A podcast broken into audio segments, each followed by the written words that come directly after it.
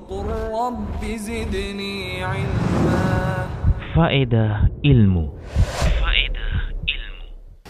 Adapun apakah benar Islam mengekang para wanita setelah dia menjadi seorang muslimah setelah dia memahami tentang syariat Islam? Apakah mereka terkekang? Lihat dari sisi mana? Lihat dari sisi mana? Kalau dia melihatnya dengan iman kalau hatinya itu nyaman dengan Al-Qur'an kalau hatinya nyaman dengan sabda Rasulullah SAW tidak ada kata terkekang. Maka bahkan mereka akan menyadari inilah kodratnya inilah tempatnya yang seharusnya. Inilah yang memang seharusnya seorang wanita itu berperilaku. Tapi kalau dipandang dengan dari sisi hawa nafsu, dipandang dari sisi mengikuti bisikan syaitan, tentu ini menjadi sebuah pengekangan. Tutup aurat, panas katanya, ya kan? Kemudian di rumah saja bosan katanya dan lain sebagainya akan dihembuskan oleh syaitan.